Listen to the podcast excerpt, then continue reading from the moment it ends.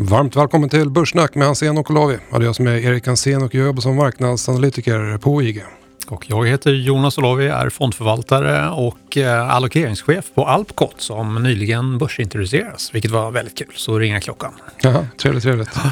Jag har haft en bra vecka. Det har varit bra. Det har varit ganska stora skift på börsen. Så ena dagen är man klar vinnare, andra dagen har det gått lite trögare. Men det är mycket information som ska assimileras och då blir marknaden lite sådär upp och nerig. Så att det har varit så, men generellt sett så har det varit bra. Mm, det är lite varannan dags handel nästan. Ja, men jag. lite så. Nä, nästan varannan efter varje pressmeddelande så går börsen antingen upp eller ner. Köp på rött och sälj på eh, grönt. Ja, eller så köper man bra bolag och låter det verka ut med den här. Buy the dips and sell the rips. Exakt. Hur har du själv haft det då? Uh, nej, men jag har haft det superbra. Eh, det rullar på helt enkelt. Så att uh, planera lite grann för fram- framtiden och uh, julen och sådär. Och, Mm. eh, sitter och handlar och eh, jobbar och tränar och allt möjligt.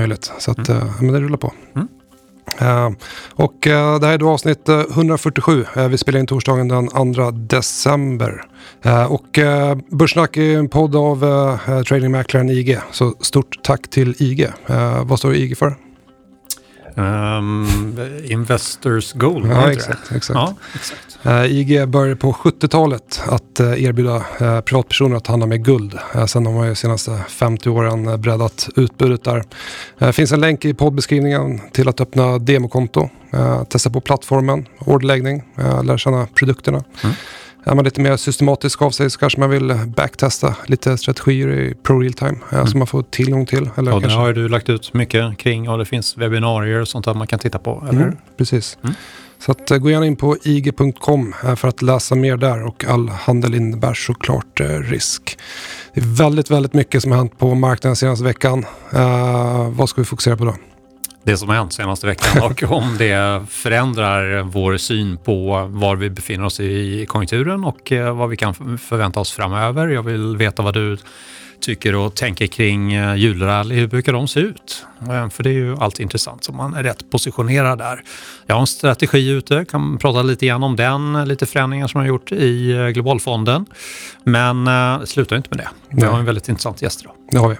Och eh, dagens gäst eh, scoutade jag fram faktiskt på Twitter. Mm.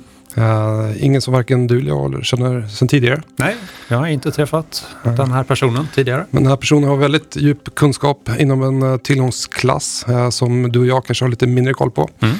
Eh, och idag kommer vi att prata bland annat om vad räntemarknaden säger oss. Mm. Eh, vad är det för signaler som vi får från räntemarknaden som vi kanske ska anpassa och använda på aktiemarknaden. Och eh, detta och mycket mer kommer vi att prata idag med Alexander Gullnäs. Ja, Eh, kul att vara här. förvaltare på Handelsbanken. Yes. Jag förvaltar två räntefonder på, på Handelsbanken. Just det. Brukar du lyssna på poddar? Ja, det gör jag. Och jag lyssnar ibland på er, så det är väldigt kul att vara här. Trevligt, Riktigt trevligt. spännande. Kul att du är här. Tackar. Eh, fem snabba. Jonas Berger. Är ränteförvaltare smartare än aktieförvaltare? Oh, eh, nu vill jag inte göra mig ovän med mina aktiekollegor, men jag skulle säga att vi fokuserar på olika saker, men vi kanske är makrosmartare då, skulle jag säga. Uh, uppåtrisker eller nedåtrisker på inflationen? Låt oss säga sex månader framåt. Uppåt skulle jag säga då. Okej. Beskriv räntemarknaden med tre ord. Bra fråga. Eh, navet i finansmarknaden. Bästa indikatorn för eh, framtida inflation? Någonting som är lite ledande? Ledande, då skulle jag säga om vi tittar på lite underliggande inflationstryck, då skulle jag säga enhetsarbetskostnader, ULC. Då får du med både produktivitet och löner som driver över tid. Eh, men annars skulle jag säga energipriser, för det kommer in via andrahandseffekter i hela inflationen, så det är inte bara headlines. Så, så energipriser. Du är ganska ung, men har jobbat eh, ändå ganska intensivt i finans. Vad skulle du gjort om det inte blev finans? Oh, eh, drömmen var väl alltid att bli fotbollsproffs, men det är ganska tråkigt svar. Jag tror det är många som hade den drömmen. Men jag har ganska bra historik på Fantasy Premier League, så det skulle vara någonting inom fotboll. Scout eller möjligtvis tränare, men någonting inom fotboll Mm. skulle det vara. Spännande. Då kör vi. Då kör vi.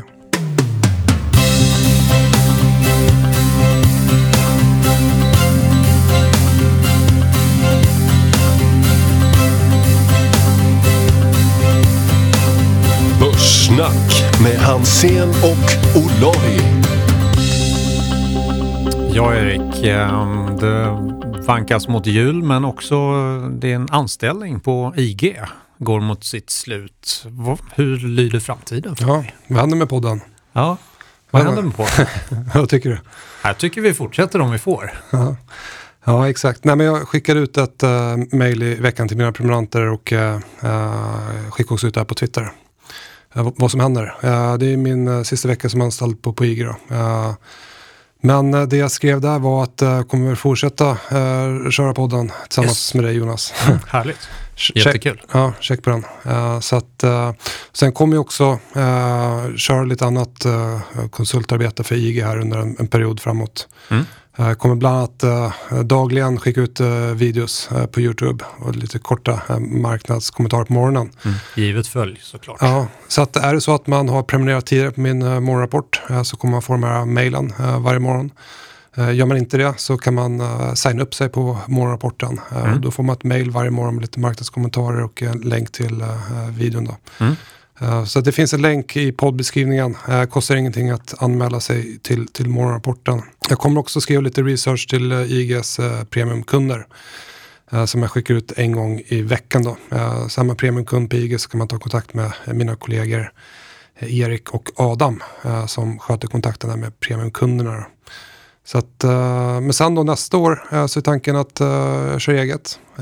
Helt enkelt. Jag går från en uh, trygg tillvaro som anställd till uh, trader och egen företagare. Mm. Lite grann som jag var innan jag började på IG för snart åtta år sedan. När jag handlade på marknaden och drev tradingportalen mm. som jag startade där mm. 2010 tror jag. Mm. Men vad är det du ska göra? Du är hemlig även mot mig här så att nu måste du berätta så jag får veta. Jag kommer berätta mer sen, uh, lite senare. Uh, mm. Vänta på det. Men det kommer vara en analysplattform uh, och lite analysutskick då, mm. riktat mot både privatkunder men även institutionella aktörer. Mm. Så det, det, får vi återkomma till mm, helt absolut. enkelt. Men det kommer att vara superspännande. Mm. Så att, ja, egenföretagare, man har precis blivit husägare och eh, pappa. Mm. Men... Allting på en gång. Allting på en gång. livet handlar lite grann om att gå mot sina rädslor. Ja, så är det absolut. Det är okej att vara rädd men inte feg. Nej, så är det. Så, är det. så det är bara att köra. Ta kontrollerade risker. Exakt. Mm. Men uh, ja, mycket som hänt sedan förra veckan. Verkligen. Det varit lite uh, Fed, Fed-chef som varit ute och pratat lite grann. Det har varit lite virusoro. Ja, uh, verkligen. Stora svängningar på, på börsen intradag. Mm. Mm. Och den här senaste varianten som vi inte vet så mycket om än, men kommer få besked nästa vecka, det har ju skapat eh, stor dramatik och vi fick en omikrondag eh, när börserna föll brant och jag fick eh, ordentligt med stryk i eh, min eh, fond också fanns ingenting som man kunde skydda sig. Jag tror jag hade fem bolag som gick upp eh, den dagen och det var bara läkemedelsbolagen. Då. Mm. Eh, men Safe Haven fanns inte någon annanstans och rentkänsligt gick ner. Mina semiconductors och IT-bolag de gick ner. Det fanns ingenstans att gömma sig då. Dina kryptovalutor gick ner? Ja, nu har ju inte jag några sådana. Men eh, det gjorde de säkert. Det tror jag säkert. Ehm, men det var ju väldigt stor dramatik och eh, många har varit ute och uttalat sig om det här, men jag tycker att vi måste lära oss av historien nu. Att låt läkemedelsbolagen presentera data, sitt inte och tyck, utan eh, det kommer komma data. Är vaccinen som finns idag effektiv mot den här nya varianten eller inte? Och om det inte är så, hur lång tid tar det för dem att eh, forska fram en eh, variant av sina vaccin? Men vi kommer komma igenom det här. Vi har haft flera eh, olika eh, grekiska bokstäver här som har drabbat oss över ja, det här, ja, som det startade egentligen. Och vi har klarat oss varje gång så att jag tycker fortfarande att på något vis är det lite köptillfällen när vi får den här oron. Det är cyniskt men det är så marknaden funkar. Mm. Köp på rött och sälj på grönt. Ja, eller blått. faktiskt. ja, eller blått. man nu har ställt in. Exakt. Nej, men jag, jag håller med dig. Uh, och uh, det är mycket uh, som skiljer sig mot idag än när vi satt här och poddade. Uh, visserligen en annan lokal, men när vi satt och poddade för mm. ja, i våren 2020. Ja. När vi fick utbrottet. mycket som är annorlunda idag. Mm. Uh, framförallt uh, erfarenhet, uh, kunskap, hur man hanterar pandemin, mm. hur man gör med restriktioner och hur tålig aktiemarknaden och ekonomin är. Då, så det mm. finns mycket man kan lära sig där. Mm. både marknadsaktörer och politiker Så att jag håller med dig lite grann. Kortsiktigt översålt.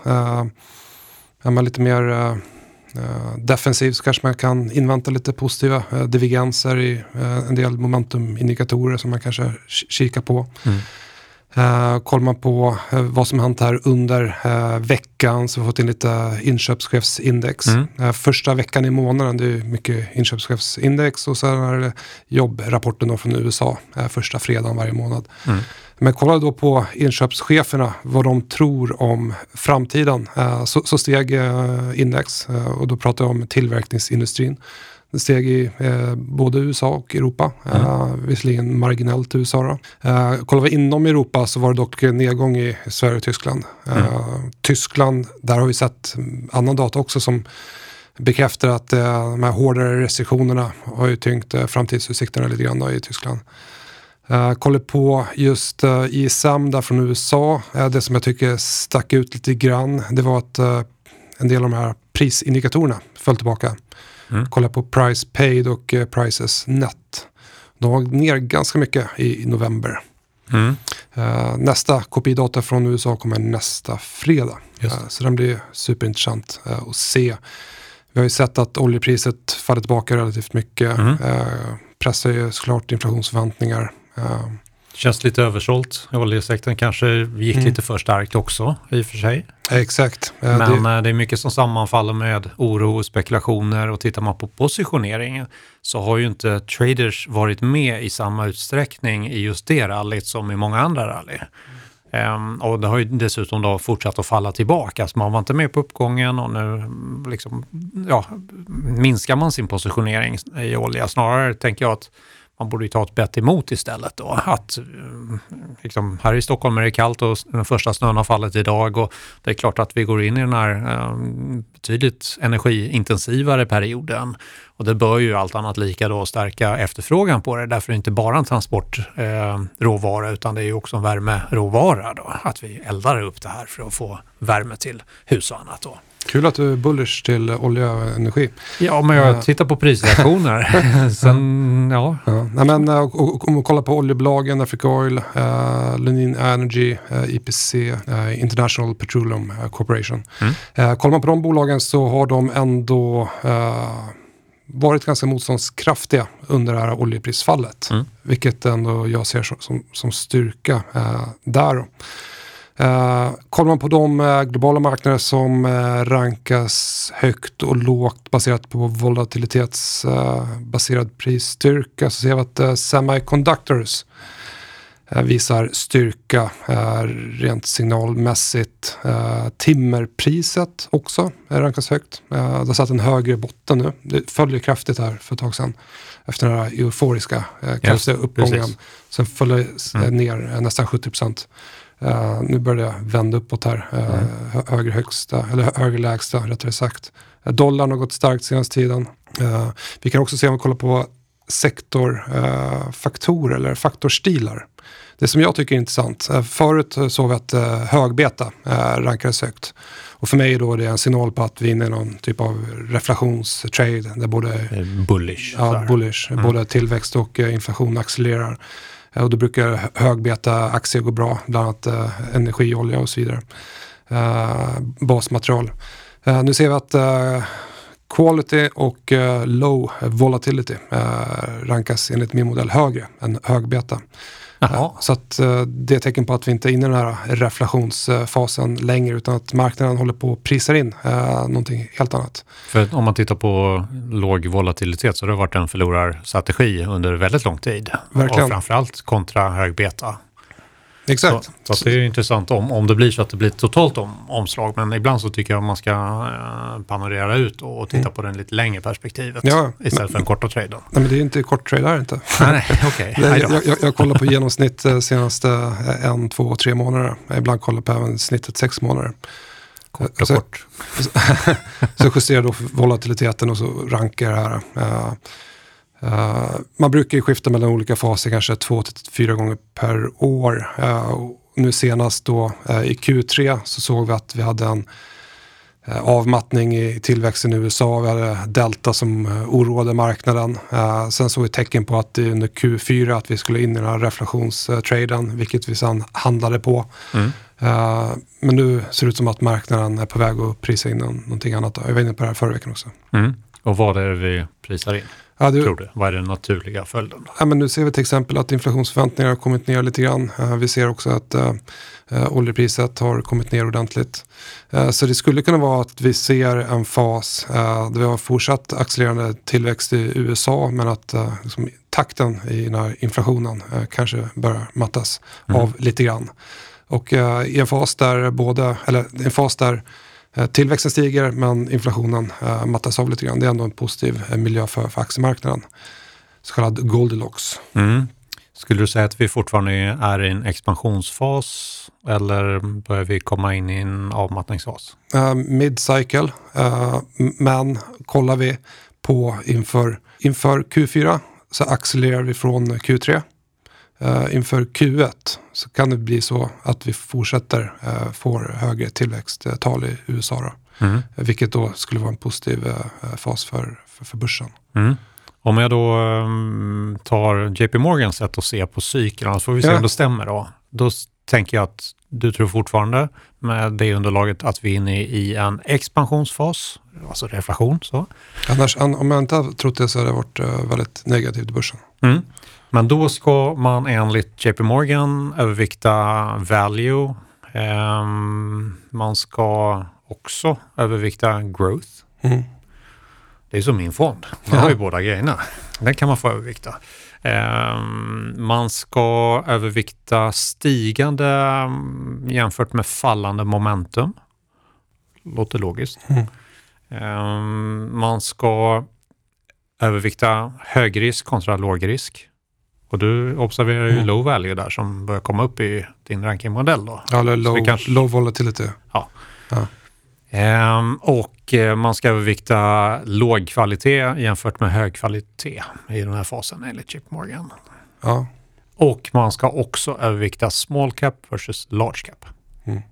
Men när jag tittar på data i år så har det varit en dålig strategi den här sista. Utan stora bolag har gått starkare på de flesta marknaderna, inte i Sverige men på de flesta mogna marknaderna eh, än vad eh, small cap har gjort. Så small cap har underperformat relativt sett, då, även mm. om de har gått bra i absoluta tal. Då. Intressant. Du får skicka den här analysen till mig sen. Mm kanske göra. Självklart.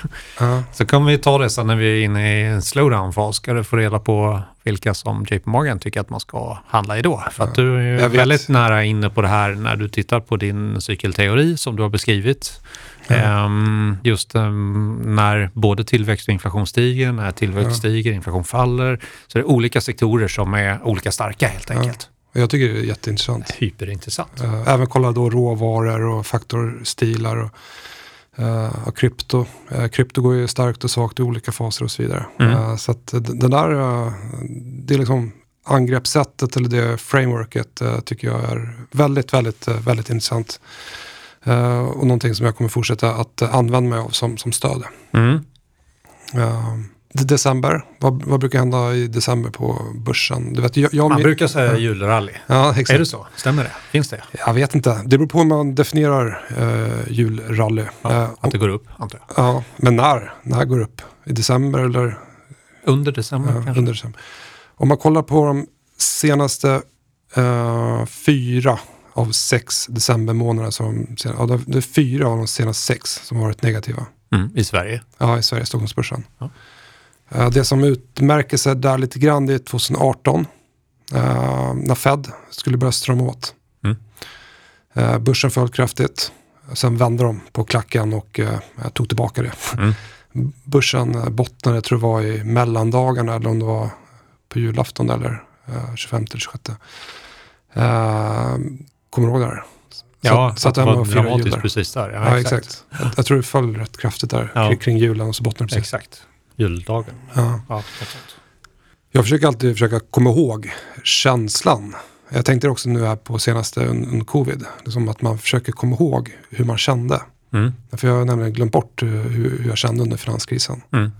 Uh, men nu försöker jag liksom inte glömma bort uh, vad jag kände när, när det föll så kraftigt Nej, under, under, covid. För det kan vara bra sen uh, när det kommer ett riktigt kraftigt fall i framtiden. Mm. Att man då har liksom, kontakt med, med, med, sina känslor och kan agera mer rationellt. Mm. Men det handlar ju också om att lära sig av um, sina egna och andras misstag. Mm. Faller det kraftigt snabbt, ja då brukar det bli bra möjligheter. Eh, hur obehagligt det än känns att riskera pengar, för det känns ju som allting kommer brinna upp som man stoppar in i den här investeringsbrasan. Men då brukar det vara betydligt bättre risk-reward. Mm. Tittar man på värderingsläget där så är det ju fortfarande amerikanska aktier som är väldigt, väldigt dyra i förhållande till historiska snitt. Men om man rensar bort eh, USA som komponent ur globalt index eller tittar på andra mogna marknader så är det inte lika uppenbart att det är jättedyrt. Lite dyrt, men det är, inte, det är inga bubblor om vi tittar på aktievärderingarna som jag ser det, givet att vinsttillväxten faktiskt ser ganska stark ut. Mm. Och då har jag med mig en liten tabell på det. Jag ska läsa upp lite grann. Man ser om tillväxten framöver. Och världstillväxten för nästa år, och det här är då Factsets data data kommer då vara 7% 2022 och 8% 2023. USA 7% och 10% Vi kommer ju från väldigt höga jämförelsetal nu för att det blir den här mm. liksom, ketchup-effekt åt båda hållen. Då. Um, eurozonen 8% och 9% tillväxt 2023. Um, Storbritannien väldigt låg tillväxt och det kan man ju också mm, intuitivt förstå. 3% årligen då de kommande två åren. Om vi hoppar över till emerging market så har vi Kina 16 vinsttillväxt och 17% 2023. Och tillväxtmarknaden rent generellt 6% nästa år, 10% året därpå. Uh, och när liksom traden som vi har hållit på att fundera kring, vi har haft Jining Wang från Nordic Asia här, um, när ska man ta Kina-traden? Och tittar man på mm, siffrorna här så känns det ju mer uppenbart att handla kinesiska aktier på tillväxtfaktorn än på någonting annat då. Sen är frågan, räcker 7% global tillväxt för att marknaderna ska gå starkt ett år till? Det är mm. frågan. Ja. Det, det jag tänker på där, när vi pratar om år, Uh, jag tänker 2022, det är så här midterm year. Uh, året, ja, men det är bra också. Uh, året före pre-election year. Mm.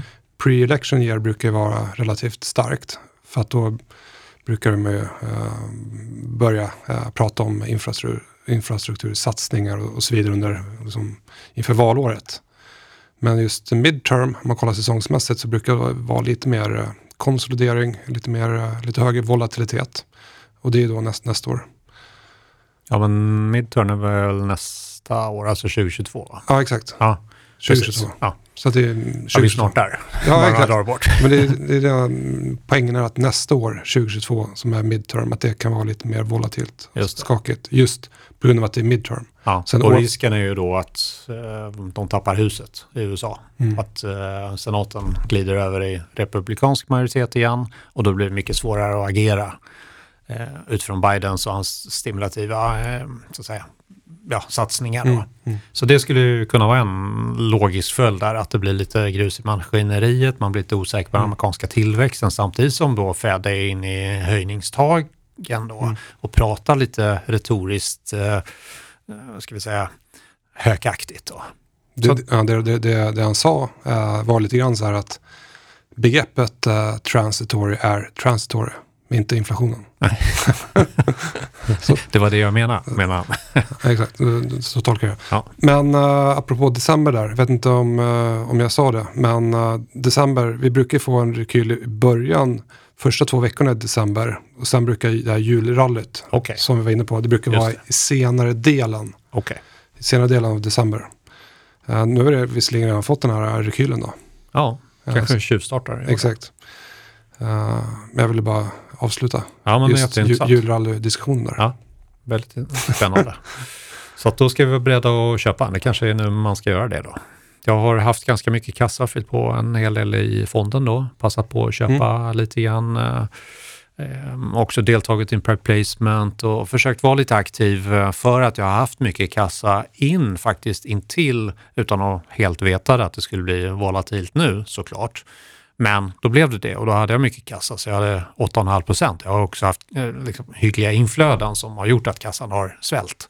Och det är jättekul att folk tror på den här strategin då. Mm. Eh, och nu har jag förvaltat eh, Alcott Equities i ett år.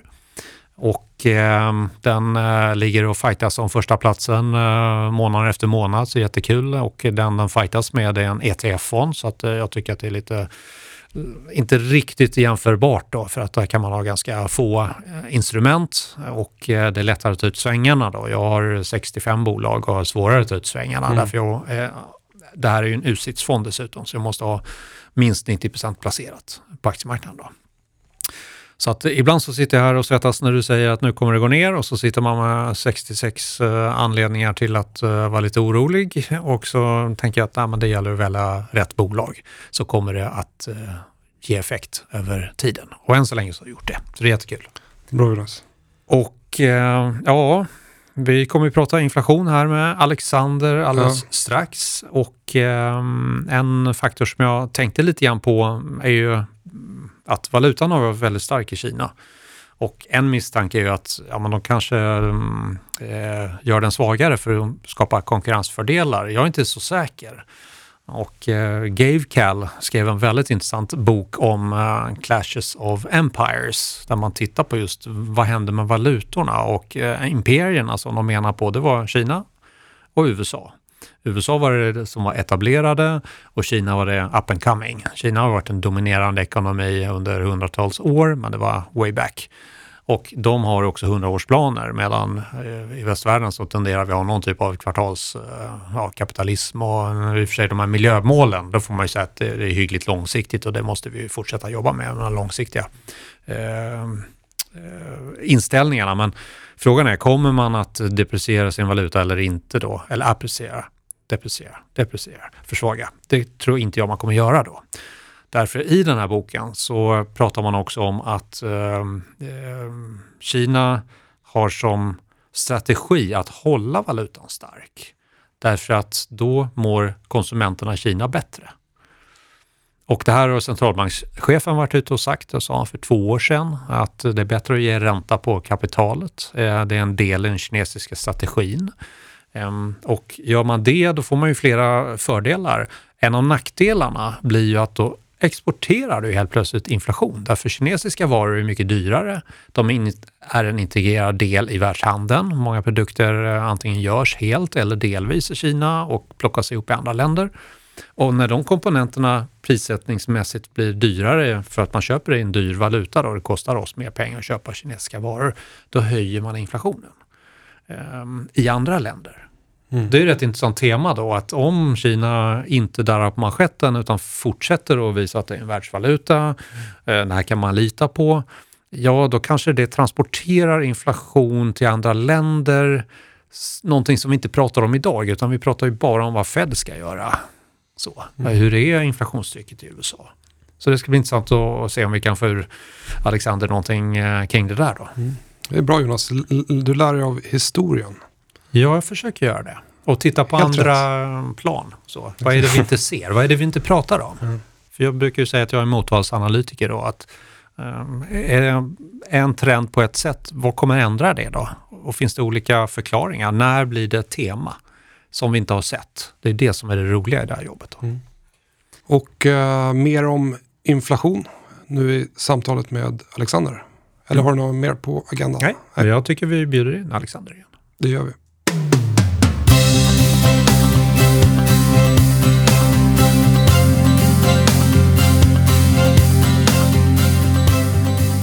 Ja, välkommen tillbaka till samtalet Alexander. Eh, jag hittade dig på, på Twitter. Mm hade lite uh, konversationer där om räntor och jag märkte direkt att det här är någon, någon kille som har ordentligt uh, med koll på just räntemarknaden och jag kollade med dig vad, vad du jobbade. du nämnde att du jobbade i branschen och passade fråga, på fråga om du var sugen på att komma och podda lite grann. Ja, men självklart. men kan du inte berätta för oss alla vem du är och vad du gör på Handelsbanken? Yes, Alexander Gullnäs, 34 år, född och uppvuxen här i Stockholm. Eh, läste ekonomi på, på gymnasiet och tyckte det var kul, så jag fortsatte sen eh, på universitet och läste en civilekonomutbildning på Örebro universitet. Eh, och tyckte väl makro var ju nationalekonomi, men då tyckte jag makroekonomi var det som var absolut det roligaste. Och man lärde sig att förstå saker och ting som skrevs i media och så vidare. Så det, det var väl ett intresse som kom upp då. Eh, och sen vid sidan av studierna så började jag redan 2009 börja jobba extra på Handelsbanken. Eh, och eh, när jag var klar med studierna så fortsatte jag i Handelsbanken. Så jag är en sån här långkörare, som det är många som är i, i just Handelsbanken. Eh, men jag har varit runt lite på olika avdelningar i banken. Jag har varit på, inom kontorsrörelsen ett tag och sen var jag ute i Tyskland och jobbade. I Hamburg specifikt, jobbade mot nordiska bolag där. Men sen för fem år sedan så kom jag in på ränteförvaltningen på Handelsbanken Fonder. Så vi är ett team i Stockholm med nio personer som sitter och förvaltar olika räntefonder. Då. Så det är det jag gör idag. Varför blev det just krediter då? Inte krediter. Jag har en kreditfond i och för sig, men jag mm. förvaltar även en så kallad ratesfond, alltså räntefond. Eh, lite slumpen, men också som jag sa, makro var det jag tyckte var eh, absolut mest spännande. Och sen skrev jag faktiskt en masteruppsats om eh, räntor. Det var just värdering av ränteoptioner. Eh, så det, blev väl, det kom upp en tillfällighet, eller en, eh, ett tillfälle att eh, komma in på Handelsbankens ränteförvaltning. De är ju duktiga på att rekrytera internt. Eh, så att eh, eh, jag hoppade på den och ångrar det absolut inte. Det är det roligaste jobb jag kan tänka mig och få jobba med makro och analysbiten och så vidare. Mm.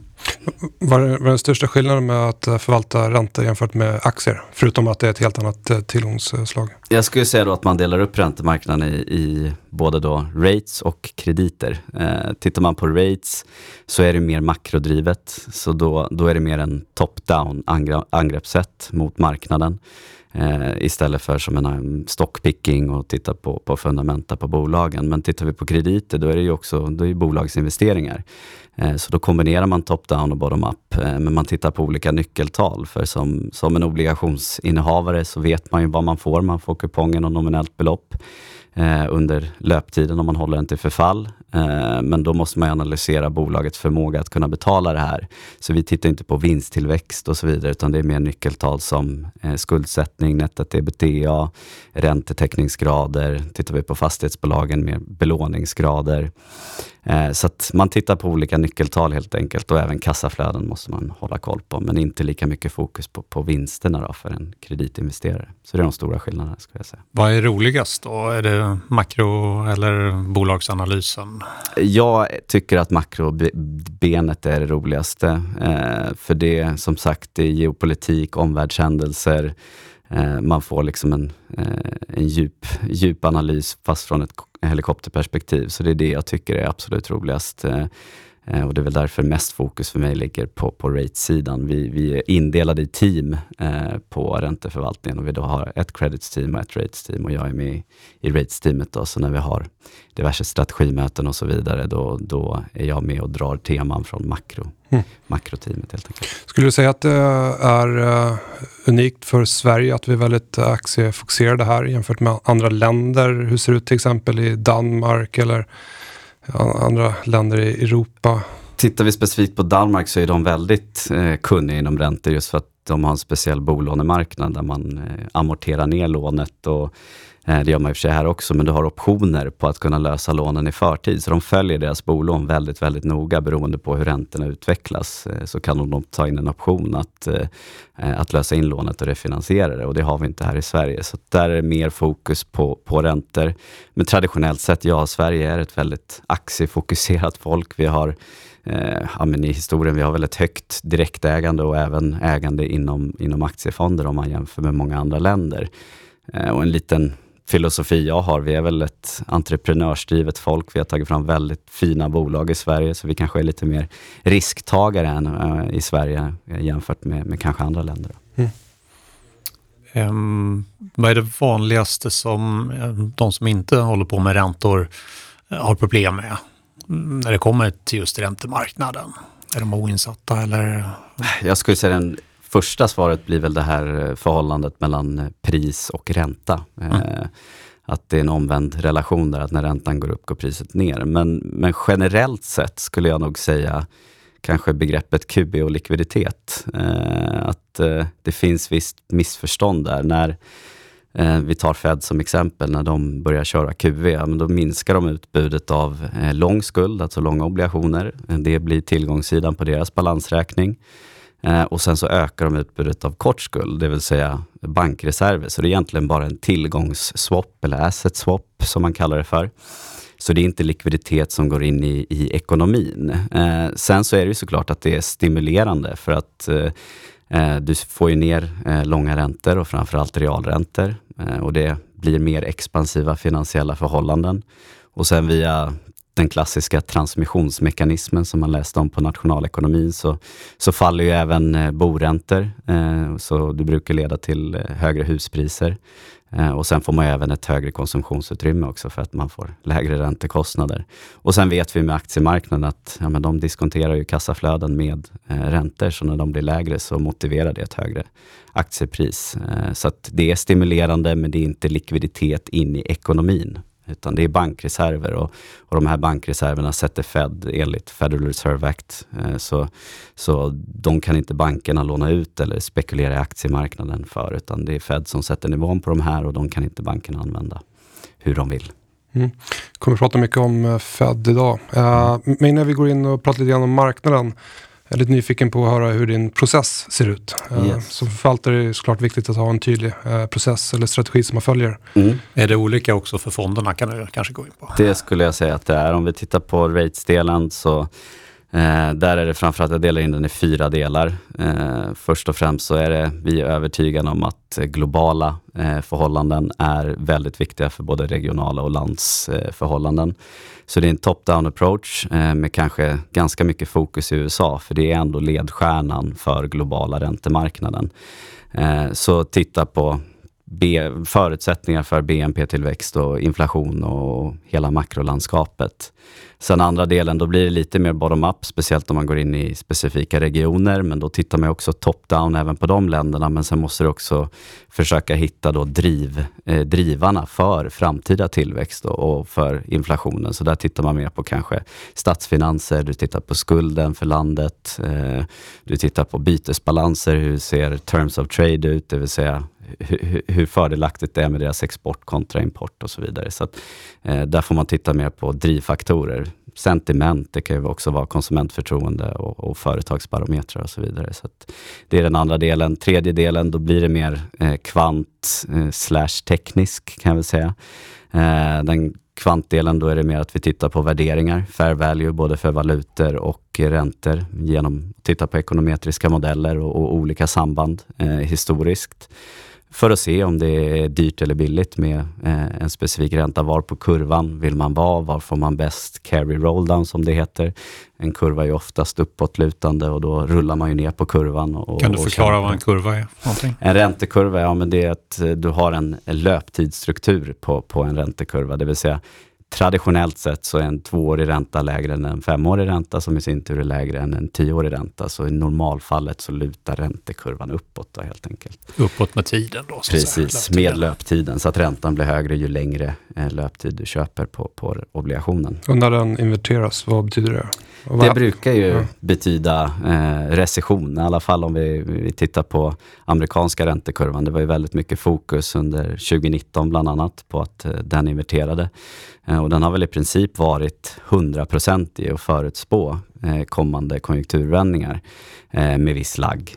Så det är inte direkt. Och sen ska jag inte säga att den kanske kunde förutspå en pandemi då, men, men den har ändå varit träffsäker och vi var långt in i cykeln då. Väldigt långt i cykeln. Det kanske hade kommit en recession oavsett om pandemin precis, hade kommit eller inte. Precis, och det var det ränte, räntekurvan spådde då helt enkelt.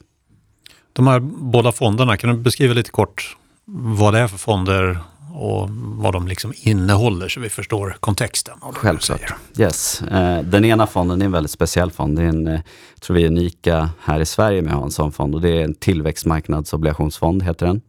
Så där investerar jag i statsobligationer på tillväxtmarknader eh, i lokal valuta. Så det är inte dollar euro utan jag blir direkt exponerad mot valutorna också. Och det är väl usual suspect-länder såsom Sydafrika, Brasilien, eh, Indonesien, Mexiko till exempel. Så det är väldigt mycket makro och även en hel del geopolitik som, som kan stöka till det där. Men väldigt spännande produkt att förvalta som man lär sig mycket när man förvaltar den. Du får ju portföljen eh, förräntar eller gildar eh, cirka 6% idag. Eh, så det, där har man ju en ordentlig yield pickup eh, till skillnad från västerländska räntorna som vi har här, här idag. Då. Så att, eh, Däremot så, så kan det hända mycket. Risken är högre än en traditionell eh, räntefond. Eh, och vad består riskerna i? Eh, framförallt, eh, jag skulle säga valutarisken är den stora faktorrisken för mig. Ungefär tre fjärdedelar historiskt. Och det kan vi bara ta ett exempel. Eh, Turkiet här senast. I, I, september så kom man in med en tioårig ränta på drygt 16,5 procent. Så det ser ju attraktivt ut. Eh, man får 16,5 procent per år om man håller den till förfall. Däremot så är man ju exponerad mot liran och den har ju fallit 30 procent sedan i september mot svenska kronan. Så att, eh, då är den avkastningen försvunnen för i år. Eh, så att det, valutarisker, men sen såklart framförallt tillväxtmarknader är väldigt exponerade mot finansiella förhållanden i USA. För det brukar driva heta flöden. Att när Fed har låga räntor och då, då jagar amerikanskt kapital eh, högre yield någon annanstans och då kommer det in flöden till tillväxtmarknader. Eh, sen växer de ju snabbare eh, BNP-mässigt så att eh, man har väl ändå haft en bild att valutor borde stärkas på tillväxtmarknader efter finanskrisen. Att de har en högre tillväxttakt, det borde leda till, till starkare valutor. Men så har det inte riktigt blivit på grund av att de har haft väldigt hög, mycket högre inflation så att du har fått en nominell depreciering av, av valutorna. Men sen har du också haft en hel del stök geopolitiskt. Vi vet med Krim i, för Rysslands skull 2014 och sen det var lirakrisen 2018 och sanktioner mot Ryssland. Vi har Bolsonaro i Brasilien och så vidare. Så det, det är ganska stökigt. Men eh, en väldigt spännande fond. Och tittar du på kreditfonden som jag förvaltar, Euroränta. Det är en kort kreditfond. Vad innebär kort? Kort löptid upp till ett år max, alltså i duration aggregerat mm. i portföljen. Jag kan ta eh, obligationer som är fem år, men då tar jag mycket spread-duration som det heter, alltså eh, kreditduration istället för vanlig ränteduration. Eh, så jag, där ute är jag inte så ofta i femårssegmentet, det kan vara om det är något speciellt tillfälle, men an, annars så, en, snittet ska vara ett år. Eh, och det, här blir det ju en kombination av vad tror vi om spreadar, eh, kreditspreadar. Eh, det är alltså vad man får över eh, statsobligationsräntor eller swapräntor. Eh, och de rör sig väldigt eh, nära börsen får man ändå säga. att de, eh, Ibland kan de leda, ibland kan de lagga, men, men de rör sig med börssentiment och riskaptit. Så där får man fokusera på det, men självklart också bolagsanalyserna då, för, att, för att titta på det. Mm. För, för det jag tänker på där, eh, låt oss säga att du slutar som ränteförvaltare och börjar handla aktier. Yes. Vad är det för någonting du skulle ta med dig från räntemarknaden in i din liksom, nya process för att handla aktier? Framförallt skulle jag säga makroanalysen, det är det första. Eh, och den processen. Eh, just med jag tror att man skulle kunna identifiera både sektorer och kanske bolag som gynnas eh, under olika konjunkturcykler och, eller makromiljöer. Eh, men sen också självklart eh, bolagsanalysen just med tanke på att man fokuserar på olika nyckeltal och jag tror att man kan få en bra synergi där. Eh, jag jobbar väldigt nära vårt tillväxtmarknadsteam så jag får höra mycket från dem hur de, hur de tittar på, på bolag och där kan jag komma med input med hur vi tittar på balansräkningarna mer och skuldsättning och mindre på vinsten. Då. Så det kan man ta med sig och titta på. Och mycket av den datan som, som du kikar på när det kommer till makro kanske är mm. kvartalsdata. Uh, en del kanske är månadsdata. Mm. Uh, är det samma typ av data uh, som du kollar på idag som för, låt säga fem år sedan? Eller har det kommit in lite nya tidsserier eller data som, som kanske är lite snabbare som, som du kollar på? Eller är det samma? Kärndatan skulle jag säga är samma. Det här när man tittar på hårddata, man tittar på inflationen månadsvis, man tittar på BNP kvartalsvis. NFB, arbetsmarknadsdata, blir också väldigt viktigt. Nu kommer den in imorgon här för USA. Det, blir en, det, det är väl fortfarande för räntemarknaden eh, en av de viktigaste datapunkterna att följa. Sen är det ju mjukdata med PMI, ISM och hela den här, eh, alla de datapunkterna som vi fortfarande följer och det gjorde vi, har jag gjort sedan jag började. Eh, sen blir det ju så att marknaden fokuserar mer på teman kanske. Eh, just nu, senaste halvåret har väl inflationen varit på, på alla släppar, så att då blir det mer fokus på just inflationsdata och att man kanske gräver djupare i den datan. Men generellt sett så, så är det ungefär samma core-data som vi tittar på. Och den här datan, är det sånt som du sitter och jobbar fram själv i modeller eller har ni makroteamet till det eller hur ser det ut? Nej, det gör vi själva på ränteförvaltningen. Vi är noga med att vi vill äga vår egen analys. Eh, så att självklart har vi input från diverse motparter och så vidare. Eh, men vi vill äga vår egen analys och vi sitter och crunchar den här datan själva i, i system som vi har och, och sitter och gör eh, modeller eh, men också eh, ja, men försöka utkristallisera landskapet, makrolandskapet genom att ta in eh, dels olika synpunkter från kollegorna också. Vi förvaltar lite olika mandat och har fokus på lite olika delar. Så jag brukar få komma in med en hel del input just kring tillväxtmarknader och vad händer där? Eh, så det, det, vi, vi vill äga vår egen analys så att vi sitter och jobbar med det, med det själva. Jag gissar att du har en uh, chartbok. Hur, hur många grafer har du? Ja, eh, jag har en chartbook på EM som är drygt 800 sidor i, i Powerpoint. Eh, Eh, det, eh, det, är inte så att jag sitter och tittar på det här varje dag, eh, inte hela packet, utan det är väl mer att det är ganska många länder, det är väl 18 länder som jag brukar generellt sett följa, 18 till 20 länder på, på tillväxtmarknader. Och jag vill ändå få in så mycket data som möjligt så att jag kan göra bottom-up-analysen. Men sen blir det att man går in och, och kikar då och då på olika, eh, olika länder. Eh, vi, väldigt, vi brukar ha eh, strategiska och taktiska positioner i våra portföljer. Så att om man tittar den strategiska vyn och inför strategiarbeten och så vidare, då sitter man mycket i de här chartpacken och tittar. Sen taktiska vyer, då kanske man kollar mer på de kvantiga chartpacksen och mer värdering och, och hur ser flöden ut och så vidare. Och flöden. Eh, jag menar värderingar, fundamenta styrs klart räntemarknaden men på kort sikt så kanske är lite mer flöden, positionering, tekniska faktorer som styr. Yes. Och där är du såklart uh, har väldigt bra uh, insyn i hur det fungerar. Ja. Så jag tänker att du kan lä lära oss. ja men här, det, vi kan väl ta exemplet med amerikanska räntan. Vi hade under, under våren hade vi ett reflationstema och, och räntor steg kraftigt. Sen hände det någonting under sommaren när räntorna ändå, eh, makro såg fortsatt bra ut. Vi hade i och för sig en deltavåg men men det man såg där, det var att man kan ju titta på, vi tar USA som ett exempel, för de har väldigt bra data. Eh, man tittar på flow of funds till exempel. Under 2020 så var det de enda som var nettoköpare av amerikanska treasuries, det var Fed och amerikanska banker. De fick ju som sagt stora inflöden av eh, inlåning, deposits. Det har vi även sett här 2021 med, med checkar och stödprogram eh, från fiskala stimulanserna.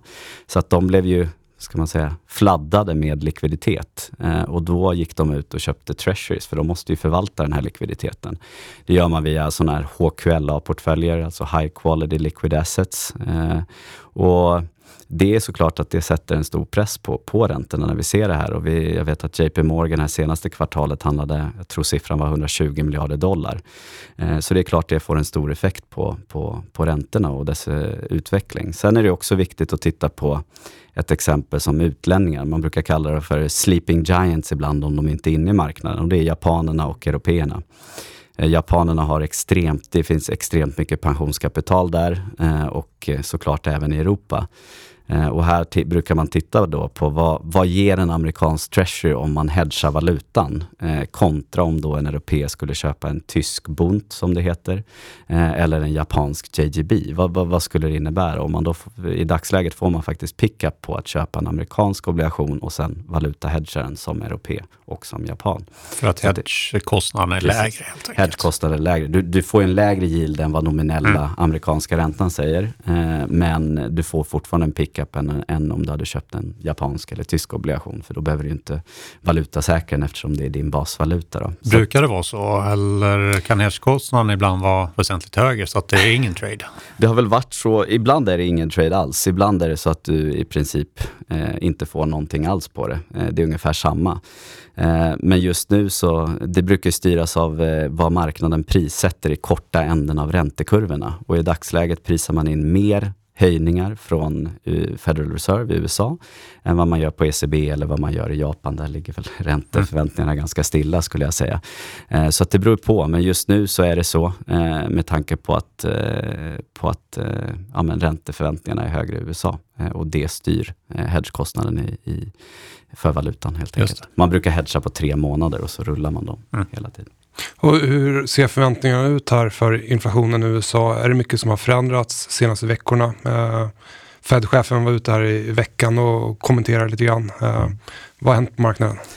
Jag skulle säga att vi har ju sett ganska explosiva inflationsprintar och man har väl hört från Powell på, på konferensen att han har börjat backa. Han gjorde det även det på mötet senast, senast att han backade något från transitory. Eh, och nu senast här i förrgår var det va? Eh, när han var ute och pratade inför senaten så, så backade han väl helt och hållet nästan eh, från, från transitory inflation och vill eh, öka på takten eh, på tapering eh, redan i december. Och det, här, det här är ju ett tecken på att de är oroliga för inflationsbilden. Eh, jag skulle säga att när vi ser eh, indikatorer som quit rate på all time high, eh, vi har ECI, alltså Employment Cost Index, som jag vet Powell tittar på, han nämnde det till och med, som är uppe på extremt höga nivåer. Då börjar de då börjar de bli oroliga för inflationsbilden när lönerna börjar komma upp ganska kraftigt. Eh, och sen har du dessutom en arbetsmarknad som de kanske har förväntat sig ska komma tillbaka något snabbare. Men jag tror att de är lite oroliga för att eh, den så kallade jämviktsarbetslösheten inte är lika låg som den en gång varit. Eh, vi hade, till exempel, det finns en hel del anekdoter där ute om att det är en hel del förtidspensioneringar i, i USA, alltså 55-plussare, som fortfarande är då arbetsför befolkning, men i och med pandemin, de kanske har eh, blivit av med jobbet eller jobbat hemifrån och insett att ja, men det här är ganska trevligt och, och inte behöva jobba längre. Och de kanske också har haft en ganska bra uppgång på, på sina assets i form, eller på sina tillgångar. I form de, de kanske har flyttat från New York till Florida. Precis, lite den där flyttningen. Spela golf. Ungefär, jag tror att det var St. Louis Fed som eh, indikerade att det var 2,5 miljoner eh, som hade förtidspensionerat. Och det är ganska mycket för man tittar på gapet på sysselsättningsgraden i USA. Det är alltså hur många som är, eh, i, söker eller är i arbete i förhållande till arbetsför befolkning. är ungefär 4,5 miljoner om man jämför nu med vad den var i februari 20 då, innan pandemin. Mm. Eh, så att det kanske är lite högre jämviktsarbetslöshet och det innebär troligtvis då att det kan vara tryck på, på, på lönerna uppåt och det, det har ju konsekvenser på inflationen. Om man tar bort uh, den här konjunkturflowet, liksom, där vi är inne i förmodligen någon typ av förstärkningsfas i mm. USA, mm. leder till högre inflation. Finns det andra faktorer som strukturellt pressar upp inflationen som vi inte har sett senaste decenniet kanske? Är det någonting som håller på att ändras om vi inte tittar på dagligdags? För nu sitter vi bara och tittar på Fed och vad de pratar om. Jo, det finns en del strukturella krafter. Eh, dels, eh, jag skulle, de klassiska som man brukar prata om, det är väl Eh, demografi. Eh, och det finns studier från, från Bank of England som pratar om att en av de största faktorerna som har inneburit både lågre, lägre räntor eh, de senaste decennierna och även lägre inflation är ojämlikheter. Eh, och det vet vi ju eh, anekdoter från USA med hur, hur stor del av, av inkomsterna eller tillgångarna som de här enprocentarna äger. Och där tycker jag att vi ser ett skifte politiskt. Eh, sen har vi även globalisering, den, den, får man inte glömma heller. Men politiskt, vi vet vad som händer i landskapet, att det blir mer polariserat. Eh, tittar vi på Biden mot Trump, eh, bara för att prata USA här, då är det ju ändå att eh, tittar man på vad hans stimulanspaket försöker eh, träffa så är det ju den lägre, de lägre inkomstgrupperna snarare än de eh, höginkomsttagarna. Och de har ju en högre benägenhet att konsumera. Eh, så det är en, ett stort skifte, det här politiska. Globaliseringen, eh, sen Kina gick med i WTO 2002, eh, 2003. Det är väl den största arbetskraftsutbudschocken vi sett i mannaminne. Eh, 700 till 900 miljoner människor som kom in i global arbetskraft. Så det har mycket med det här med globaliseringen. Och där ser man ju också tendenser på att mer onshoring istället för offshoring. Eh, så det, det, är ett annat tema som kan innebära att eh, inflationen strukturellt kan vara högre än vad den har varit senaste decenniet. Eh, så det är några faktorer. Sen är jag väl också lite orolig för, jag sa att energipriser är en väldigt viktig faktor att följa. Och här handlar det väl mycket om omställningen vi gör, eh, vilket vi måste eh, ur ett hållbarhetsperspektiv, klimatomställningen. Eh, och man ser ju vad, om man tittar på de stora investeringsplanerna från oljejättarna, så är det ju framförallt i förnybar energi nu och kanske vätgas och så vidare. Det är inte att Eh, hitta nya fyndigheter i olja och gas. Och tittar man just på, på oljemarknaden så den har väl gått ett till ett med, eh, alltså utbud, eh, efter, eh, efterfrågan på, på olja har gått ett till ett med befolkningsökningen sedan 70-talet. Nu tror jag att efterfrågan successivt kommer falla eftersom vi ska ställa om, men jag tror att det finns ganska stora risker eh, att eh, utbudet sjunker snabbare. Så jag tror att energipriserna kan både vara högre och mer volatila eh, de kommande, det kommande decenniet. Det har vi inte minst sett här senaste tiden med gaspriser i England som var upp 500 procent och nu kanske det, det, nu har vi en del pandemieffekter där också. Men strukturellt så, den här omställningen vi gör, det, det innebär, vi är fortfarande väldigt beroende av, eh, av fossila bränslen och befolkningsökningen sker framförallt i låginkomstländer och de kanske inte har samma resurser och möjligheter att ställa om lika snabbt. Så att, eh, det är väl några faktorer som jag ser som risker för att inflationen ska vara högre kommande decennier än vad det var senaste. Mm. Eh, sen hur högt, det är svårt att försöka spå, men, men högre ja. Om man adderar till där då, ehm, när de, Kina kom med i WTO så um, fortsätter de ju, eller fortsatte komma in med lägre kostnader för arbetskraft mm. och energin, det var ju kol. Mm. Mm. Eh, och kol är billigt att utvinna och billigt att bränna upp, men det skapar ju konsekvenser eh, framåt. Eh, kineserna och de som bor i storstäder, de är ju smärtsamt medvetna om att kol förmodligen inte är så jäkla bra då. Mm. Ehm, och det här är någonting som jag gissar att staten kommer att liksom jobba mer mot. De har ju ett program att de ska liksom minska sin, sitt beroende och då mm. kommer det förmodligen bli så att då är det emerging markets-länderna, de ännu så att säga, fattigare länderna som kanske övergår till mer av den mm. produktionen. Mm. Om då Kina börjar jobba mer med den dyrare energin Eh, då kan man väl också tänka sig att det, det, hjälper till i det här skiftet att energi generellt sett gör att inflationskomponenten stiger på lite mer permanent basis. Håller du med om det? Jo, men det, det skulle jag tro. Det, det, är som du säger, Kina de är ju den absolut största investeraren i, i förnyelsebart. Om man tittar solkapacitet, jag tror de har 40 procent av all världens kapacitet för solceller.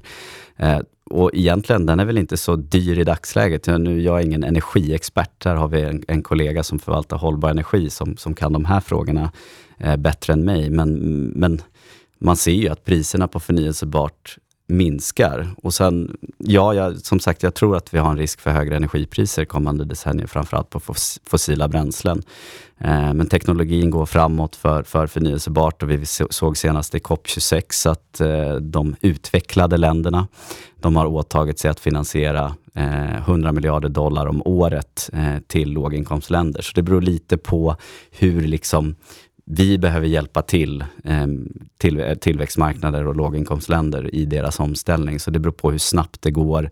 Eh, sen måste du också få privat kapital som också är beredd att investera. Så det, det, är svårt att överblicka här och nu, men, men det finns ändå krafter där ute som, som vill hjälpa till. Om man tänker på de här länderna som kanske då tar, blir lite mer smutsiga när Kina blir eh, renare. Så det, det, är svårt att uttala sig om, men, men eh, jag tror det finns krafter där ute, men, men just vad gäller fossila bränslen så tror jag ändå att eh, utbudet kan falla snabbare än efterfrågan. Det är väl den stora risken mm. som jag ser. Mm. Och om vi fortsätter på inflationsspåret. Eh, diskrepans mellan vad kanske marknaden eh, spekulerar i och vad centralbanken i USA eh, kommunicerar. Mm. Eh, den här diskrepansen mellan marknaden och centralbanken, eh, hur ser den ut och vad kan det leda till? Eh, I dagsläget så är det, nu vänder ju Powell lite på sig här. Då. Men, men om man tittar på vad de har sagt och, och vad som ligger i deras eh, prognoser och vi tar även med Riksbanken här kanske. Eh, så Fed, så där, där, har de ju sagt i deras median dot plot som Powell noga säger att det inte är någon exakt prognos, men det är i alla fall så ledamöterna röstar. Eh, och då är första höjningen, det är jämnt skägg mellan 22 och 23, men det är egentligen en höjning då. Eh, Medan marknaden prisar in två till tre. Det beror på lite hur det rörde sig här under morgonen. Men eh, jag tittar på eurodollarkontrakt. Det är alltså inte eurodollar utan det är utländska dollarräntor eh, i systemet som är utanför eh, USA. Och om jag bara sticker in där, är det också en anledning till att räntekurvan, till exempel skillnaden mellan tioåringen och tvååringen, att den har flackat? Eller? Ja, för man prisar in snabbare höjningar Precis. i marknaden. Man prisar in tre höjningar på Fed. Och det finns väl lite delade meningar där. Eh, om vi tittar på inflationen så räntemarknaden prisar i dagsläget inte in någon sticky inflation eller de är väl inne lite mer på transitory och det kan man titta på genom att se att break-even-kurvan, det är alltså marknadens inflationsförväntningar, den är inverterad så den är betydligt mycket högre på ett år än vad den är på två år, än vad den är på tre år och så vidare. Eh, så marknaden prisar ju in fallande inflation. Eh, men det finns diskrepanser, ja. Riksbanken de säger själva att de ska höja 2024, indikerar de nu senaste mötet, första räntehöjningen. Eh, men marknaden prisar in första höjningen i andra halvåret 22 mot slutet av året. Så det är diskrepanser. Eh, men sen har vi också en del baseffekter som, som kommer in nästa år. Eh, under Q, det kommer efter, jag skulle säga börjar i Q2, där inflationen av naturliga skäl, då, baseffekter eftersom inflationen mäts år över år, kommer att falla ner. Sen så finns det ju då, ser jag lite mer uppåt risker på att den kommer kanske inte falla lika mycket som, som marknaden tror. Jag, jag noterar att om jag kollar på statistik från CFTC där, uh, Commitment of Traders-rapporten. Det är många aktörer som ligger positionerade för en nedgång i uh, tioårsräntan uh, i USA, eller obligationen. Mm, mm. vad bettar de på? de bettar på stigande räntor, så de tror nedgång på, på priset. Då. Eh, men det här är terminsdata, det ska poängteras. Det är det här Commitment of Traders Report. Eh, det kan vara en hel del hedgar här inne. Eh, tänk dig att man köper en tioårig kredit, alltså en företagsobligation och du vill bara vara exponerad mot kreditspreaden, men du vill inte ha ränterisken. Ja, men då säljer du ju mm. eh, ränteterminen emot för att hedga risken. Så man, man, kan inte bara titta på CFTC, men marknaden är kort, ja. Eh, det vill säga man tror på, på stigande räntor i terminsledet. Eh, vi tittar även på eh, olika surveys. Du har Bank of America, den här Fund Manager Survey och där har man ju i princip hela året indikerat att man ligger väldigt underviktad duration, det vill säga ränterisk. Eh, vi tittar även på JP Morgan har en stor eh, Treasury Survey där de går ut och tittar på eh, hur förvaltarna ligger och den är också kort. Så att, så att marknaden, de är inne på stigande eh, framförallt ja, långräntor men även att räntekurvan ska, ska gå upp. Men det, vi har ju sett en flackning här på senaste tiden. Mm. Och då, de, de har legat fel senaste tiden. Så är det. Ja. Så är det. När Jag tittar på ännu längre kontrakt eh, så ser det ut som liksom, kurvan är väldigt, väldigt flack. Mm. Är det ett sätt för marknaden att säga att eh, de tror att Fed kommer att, spräcka eh, konjunkturen den här gången också? Det är, ett litet, det är lite det vi ser, att eh, marknaden just nu prisar in ett policymisstag från Fed. Det är väl en take på det.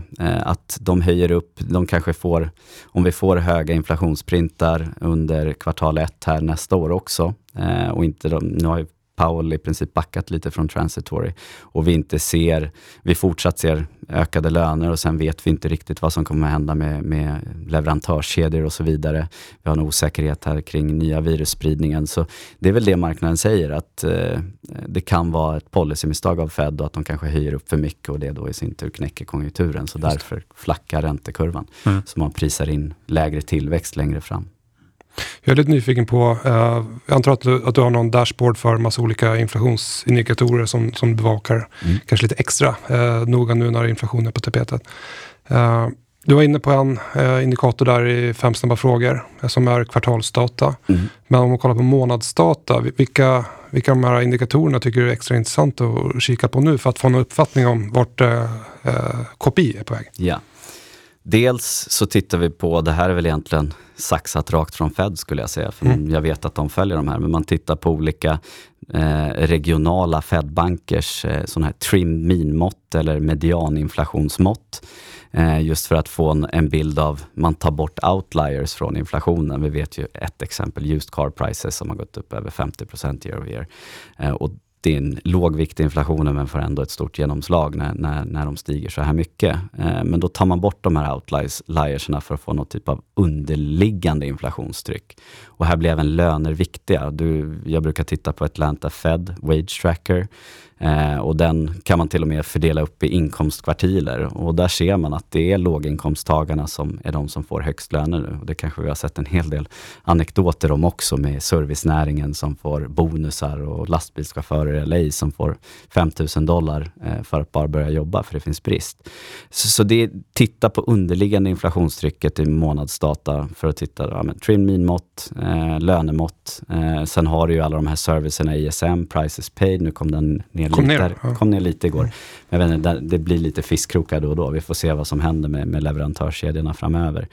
Eh, man kan även titta på NFIB eh, som är månatlig också, där man, det är små och medelstora bolag i USA, eh, där man kan se hur de tänker med eh, expectations eh, när man tittar framåt i tiden på price hikes eller eh, lönebildning där också. Så det finns en hel del indikatorer som vi tittar på.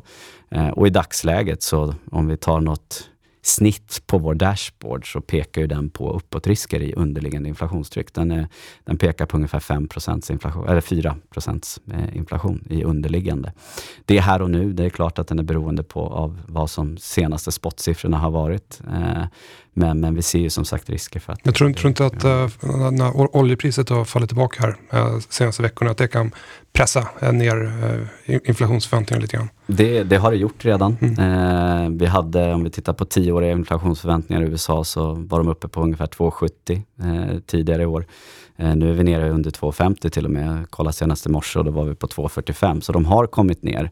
Eh, oljepriset som jag säger, det är en viktig faktor, men jag tror ju att vi det, det, här oljepriset handlar ju också mycket med risksentiment och, och vad händer nu med virussituationen. Vi har Europa där vi har sett en hel del nedstängningar, bland annat Österrike och det talas om restriktioner även, eh, mer, mer restriktioner i Tyskland bland annat. Så det, mm. det här får ju effekter på oljepriset här och nu, men om vi tittar ett år framåt, då ser jag fortfarande eh, uppåt risker. Och sen är det ju viktigt att poängtera att vi har baseffekter. Jag tror fortfarande vi kommer falla från pikar och jag sitter inte här och tror att vi kommer få någon Weimar eller någon hyperinflation, utan som jag sa tidigare, ett högre snitt kommande tre till fem åren och kanske till och med längre än så av strukturella faktorer eh, än vad vi har haft eh, senaste tiden. Och det bör ju innebära högre räntor eh, framöver. Eh, så att eh, det beror lite på hur konjunkturen kan tåla inflationen också såklart. Har vi ett stagflationsscenario som det var mycket tal om, för nu, nu, känns det som marknaden inte riktigt fokuserar på det längre, men det var väldigt mycket fokus på det under Q3. Q3, mm. precis. Eh, och det handlar om att inflationen helt och hållet knäcker konjunkturen. Och tittar man i USA så det som driver tillväxt är väl ändå realt konsumtionsutrymme. Eh, att lönerna stiger reellt sett. Just nu gör de inte det. Även fast de har höga löneökningar så är inflationen högre så de har negativa reallöner. Och då blir det ju dyrare att konsumera. Du får ett lägre konsumtionsutrymme. Eh, så att, ja, eh, vi är inte inne på något stag stagflationsscenario, det är vi inte. Men vi ser snarare risker bara på inflationen, men eh, vi, vi, tycker ändå att tillväxtmotorerna är igång eh, kommande året. Hur ser du på narrativet att eh, eh senast blev eh, grus i maskineriet så nådde den amerikanska räntan eh, 3 mm, mm. Kommer den vara lägre, den där smärt pulsen, den där spiken som gör att marknaderna säger att enough is enough då, och vi får stor oreda på kredittillgångar och ja, ja. aktier. Vi har ju, det har ju kon konsekvent blivit lägre de senaste 20 åren, att smärtgränsen har fallit. Eh, och för risksentiment så ja, det tror jag. Eh, sen någon specifik nivå, det kan jag inte säga, men om vi skulle säga att det är 2% eller om det är 2,5 Eh, Fed själva spår ju någon slags terminal rate, alltså deras vy på den långsiktiga räntan på 2,5 procent. Eh, jag skulle säga att det beror mycket på vad inflation, hur inflationsbilden kommer ut här. Eh, risksentimentet eh, kommer nog få svårt om, om räntor stiger på grund av att inflationen inte faller ner, att mm. vi får en sticky inflation. Däremot om, om vi ser tillväxtmotorerna, att det är det som driver. Vi har en negativ realränta idag i USA på minus 1 Innan pandemin var den runt noll. Eh, och med tanke på ändå vi har ganska stora fiskala stimulanser som ska ut. Eh, I USA vi har Build Back Better och det är 1,7 biljoner dollar. Eh, den, inte, eh, den har inte röstats igenom än, men det är ändå någonting lär vi få. Vi hade infrastrukturpaketet på 550 miljarder dollar. Så det finns ett investeringstryck där ute som ska kunna driva tillväxt. Eh, och även om vi tittar på, även i Europa, de har ju Next Generation EU som är 800 miljarder dollar program för, för investeringar och framförallt då gröna investeringar. Eh, hushållen, de har bra balansräkningar. Tittar vi på deras, eh, deras savings ratio, alltså sparkvoten, den har ju kommit ner såklart eftersom ja, de fick checkar och då mm. kom sparkvoten upp i taket.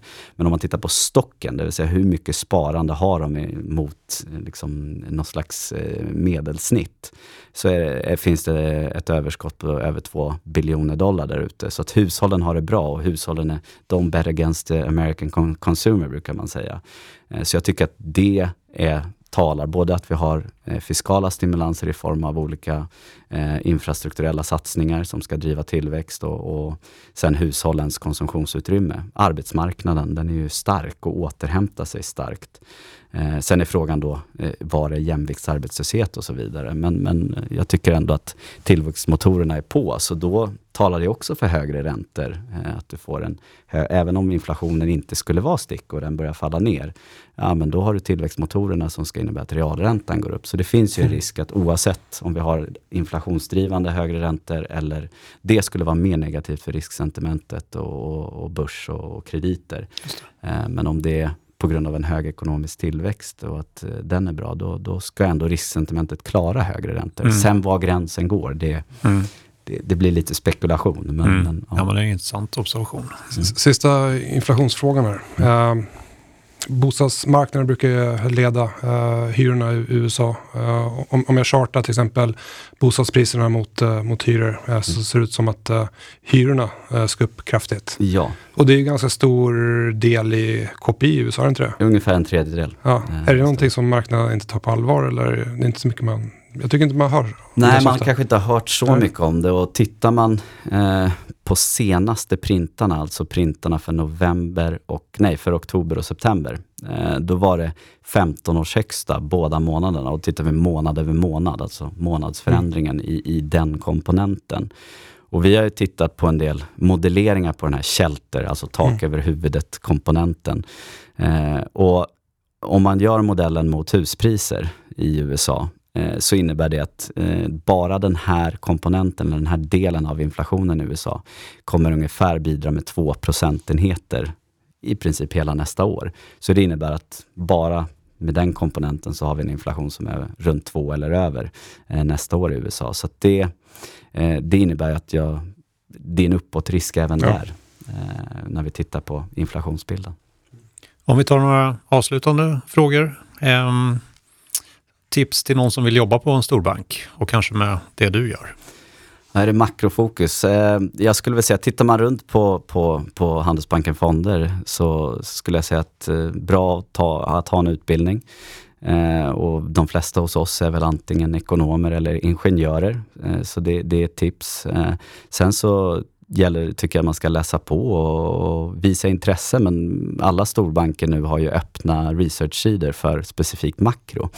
Så man kan ju försöka läsa en hel del där på internet och komma över bra information och kanske lära sig lite om hantverket. Och, och sen brukar ju också storbankerna ha sådana här dagar på universiteten där de är och representerar banken och då kan man alltid gå fram och visa intresse. Och jag, har, jag har varit fadder under några sådana här nätverksdagar och då har vi en hel del studenter då som vi eh, plockar in och så får de se lite, de får se handlargolvet och de får gå runt på fonderna och ställa frågor och då, då kommer de ju in i en slags pool för, eh, för extraarbete eller om det är uppsatsarbete och så vidare. Så det, det är en bra väg att gå.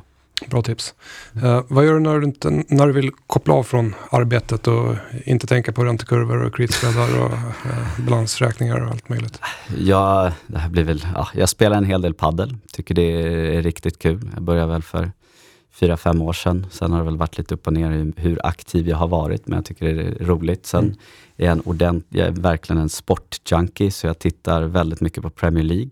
Eh, Liverpool är det laget jag följer. Nu vann de ju 4-1 igår här, eh, så det, var, det var positivt. Grattis, grattis. Ja, tackar.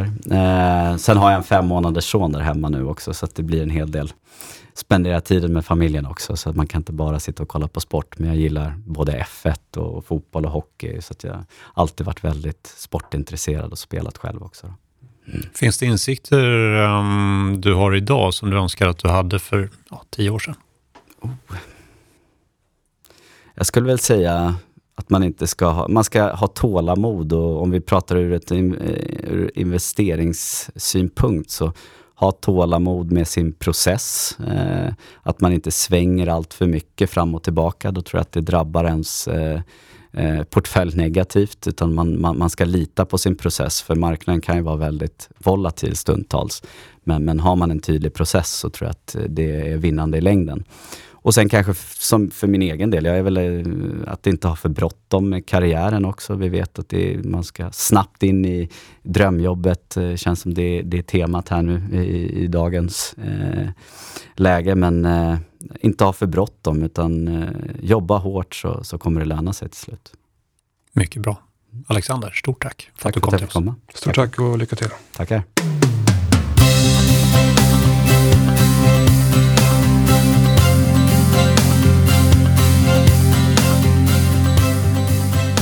Om vi ska sammanfatta uh, veckans uh, poddavsnitt. Vad vill du uh, lyfta fram? Jag tycker när jag hör mig själv och jag hör dig och jag hör vår gäst så tycker jag att det finns fler nycklar, fler faktorer som ligger för att det ser ganska bra ut, snarare än att det är ökade risker. Vi har fått en del riskimpulser i marknaden, men det har ju också prissättningen tagit fasta vid. Vi har lärt oss att julrally börjar i tredje veckan, normalt sett. Mm. Det var en väldigt intressant observation. Ska jag hålla koll på. Ska vi prata om om det var rätt eller inte. Um, det, är, och, det är bara, bara genomsnitt. Exakt. Uh, så att det, där får man sätta i kontext med, med annat. Precis. Och sen har vi pratat lite grann om uh, cykel. Mm. Um, och jag har använt mig av JP Morgans cykel och uh, beskrivit vad de ser som de starka liksom, trenderna givet var vi är och jag tyckte inte att du inte riktigt höll med utan det var väl ungefär det du navigerat också i din uh, proprietära modell. Mm. Så det var intressant att se också. Eh, vad tog du med dig av samtalet med Alexander, en räntekille? Mm, exakt, räntekille. Eh, stort fokus på makro. Är man intresserad av makroekonomi, geopolitik och så vidare eh, så är det räntor man ska förvalta såklart. Eh, och eh, han kör ju både eh, rates och credits. Lite både då top-down och bottom-up perspektivet i, i sina processer där. Uh, också lite kvant och tekniskt, uh, kolla på olika samband, uh, lite värderingar och så vidare. det han skulle ta med sig om man skulle börja handla med aktier var ju sån här makrodelen. Mm. För att få en förståelse för hur olika sektorer rör sig i olika typer av makrofaser eller regimer. Just. Lite grann det som vi pratar om här i, gällande cykler också. Mm.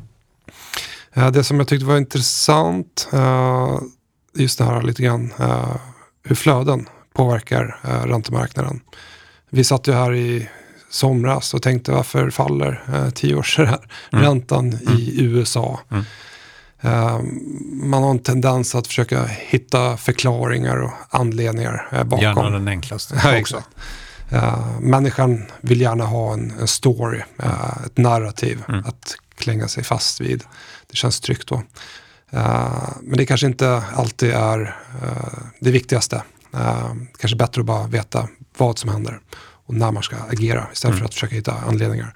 Det fick vi bekräftat här. Då, var det, då var det väldigt mycket flöden mm. som satte som köppress på obligationer mm. och då faller räntor. Mm.